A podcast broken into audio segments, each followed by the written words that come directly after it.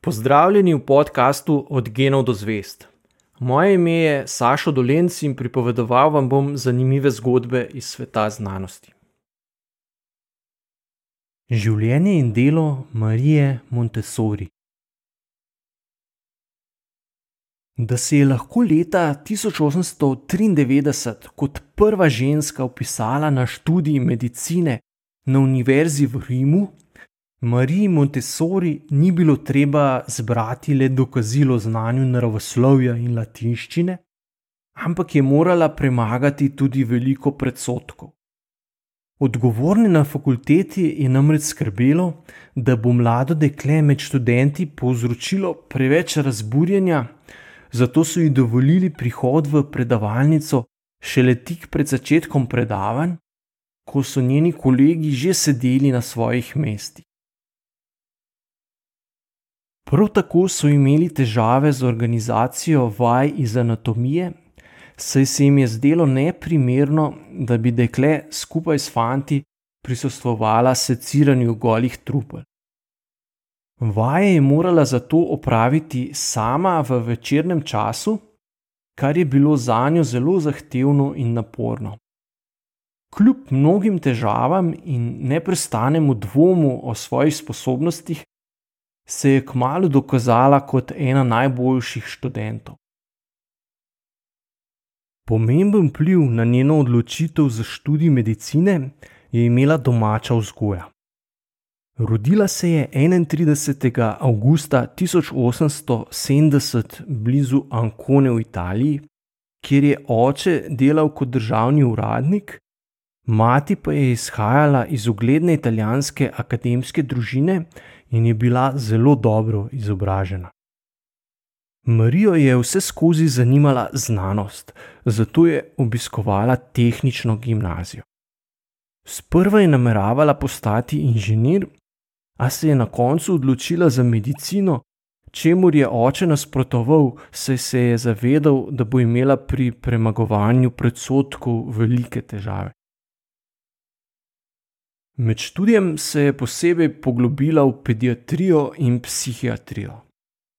Močno jo je ganilo, ko je med obiskom psihiatrične bolnišnice videla, kako slabo skrbijo za otroke, ki so jih starši in zdravniki iz različnih razlogov označili kot mentalno zaostale. Z njimi so ravnali kot zaporniki, saj jim niso omogočili nobenega šolanja, prav tako so jih strogo kaznovali, če so se kakorkoli upirali. Marija je hitro opazila, da so otroci v azilu nemirni in težavni tudi zato, ker se z njimi nihče ne ukvarja. Poskusno je tako ustanovila skupino otrok iz bolnišnice, ki jo je začela učiti branja in pisanja, ob tem pa je razvila metode, kako bi otrokom čim bolj olajšala učenje. Iz lesa je denimo izdelala črke, ki so jih otroci na to uporabljali pri različnih igrah. Podobna pomagala je naredila tudi za računanje, tako da je bilo učenje hkrati zanimivo in zabavno. Hitro je ugotovila, da otrokom pomaga, če pri učenju uporabljajo kombinacijo različnih čutil, prav tako pa je pomembno, da je v razredu sproščeno ozračje. Manjšo senzacijo je povzročila, ko je svoj poskusni razred domnevno zaostalih otrok iz psihiatrične bolnišnice odpeljala na državni preizkus znanja. V nasprotju z vsemi pričakovanji so se njeni otroci na testu branja in pisanja odrezali celo bolje od otrok iz običajnih šol. Marija je iz rezultatov sklepala, da je nekaj močno narobe s pedagoškimi pristopi v običajnih šolah, ki so temeljili predvsem na učenju na pamet. Otroke so namreč dojemali kot prazne posode, ki jih je treba napolniti z znanjem, dokaj nepomembno pa je bilo, kako to znanje otrokom podajajo. Žal pa je znanstvena in akademska karijera Marije Montessori kmalo po diplomi naletela na za tisti čas hudo oviro. Z mladim profesorjem psihiatrije Giuseppejem Montesanom, s katerim sta tudi raziskovalno sodelovala, sta se zaljubila, Marija pa je kmalo zatem zanosila. Lahko bi se sicer poročila, a to bi za njo zelo verjetno pomenilo konec akademske kariere, saj se je od poročenih žena in mater takrat pričakovalo, da ostanejo doma in skrbijo za gospodinstvo. Nosečnost je zato skrivala, in ko si ima je 31. marca 1898 rodil sin Marijo, ga je bila prisiljena oddati v rejo. Naslednja leta ga je pogosto obiskovala, a del dogovora je bil, da mu ne pove, da je njegova prava mati, Motesano pa ga je priznal kot svojega in zanj tudi plačeval stroške bivanja pri rejniški družini. Z Montesanom sta sklenila dogovor, da si bosta ostala zvesta in se ne bosta poročila z nikomor drugim, česar pa se Giuseppe ni držal. Kmalo se je poročil, kar je Marijo močno prizadelo, zato je končala skupno delo v azilu za otroke. Sklenila je, da se bo dokazala z znanstvenimi raziskavami z področja izobraževanja. Bila je zelo delovna in sposobna, tako da je leta 1904 postala profesorica na univerzi v Rimu, kmalo pa tudi predstojnica oddelka za antropologijo. Nov izziv se je pojavil leta 1907, ko je v revnem rimskem predmestju San Lorenzo država z meceni poskušala izboljšati kakovost življenja tamkajšnjih prebivalcev. Marijo so prosili, ali bi jim pomagala vzpostaviti vrtec za predšolske otroke, saj so jih starši največkrat puščali kar same doma, ko so odhajali na delo. Marija je vrtec zasnovala na ugotovitvah svojega dolgoletnega opazovanja otrok. Vztrajala je, da so bili stoli, mize in drugo pohištvo v vrtu prilagojeni velikosti otrok. Prav tako je ustvarila veliko iger in didaktičnih pripomočkov, ki so jih otroci lahko sami uporabljali, učitelji so jim pri tem le pomagali. Ena od značilnosti njenega pristopa je bila, da je poskušala pri učenju angažirati vse čute otrok. Kaza de Bambini, kot so vrtec poimenovali, je hitro postala zanimiva za časopise se so o Marijinem novem pristopu k vzgoji in izobraževanju poročali mnogi časopisi po Italiji in poznaje tudi drugot po svetu. Čudež iz rimskega predmestja so prihajali preučevati novinari, politiki in znanstveniki. Marija se je vse skozi zelo trudila, da bi svoje ugotovitve čim bolj jasno predstavila čim večjemu krogu ljudi.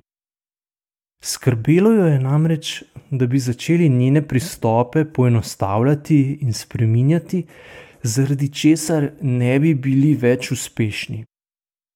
Prav tako ni dopuščala, da bi vzgojitelji sami eksperimentirali in sproti prilagajali njene metode novim okoliščinam. Leta 1909 je objavila knjigo o svojih dognanjih in odprla šolo za učitelje. Kmalo zatem so knjigo prevedli v angleščino, tako da je s svojim sistemom izobraževanja postala prepoznavna po vsem svetu. Ko je istega leta umrla mati, si je odločila, da sinu, ki je bil mes v šolskem internatu, končno pove, da je njegova prava mati. Čeprav so bližnji prijatelji vse skozi vedeli za njeno skrivnost, je najstniškega sina na to javno predstavljala kot nečaka. V nove težave je zabredla, ko so prišli na oblast fašisti in so jo želeli izkoristiti za lastno promocijo. Po vsej državi so ustanavljali šole, ki naj bi sledile načelom metode Marije Montessori, A ideje Mussolinija v resnici niso bile blizu prepričanjem, po katerih naj bi se otroci najbolje učili, ko se počutijo svobodne in neodvisne. Marija je bila sprva sicer časna članica fašistične stranke, a je morala, ker je brezkompromisno zagovarjala svoje načela, skupaj s sinom pobegniti na Nizozemsko.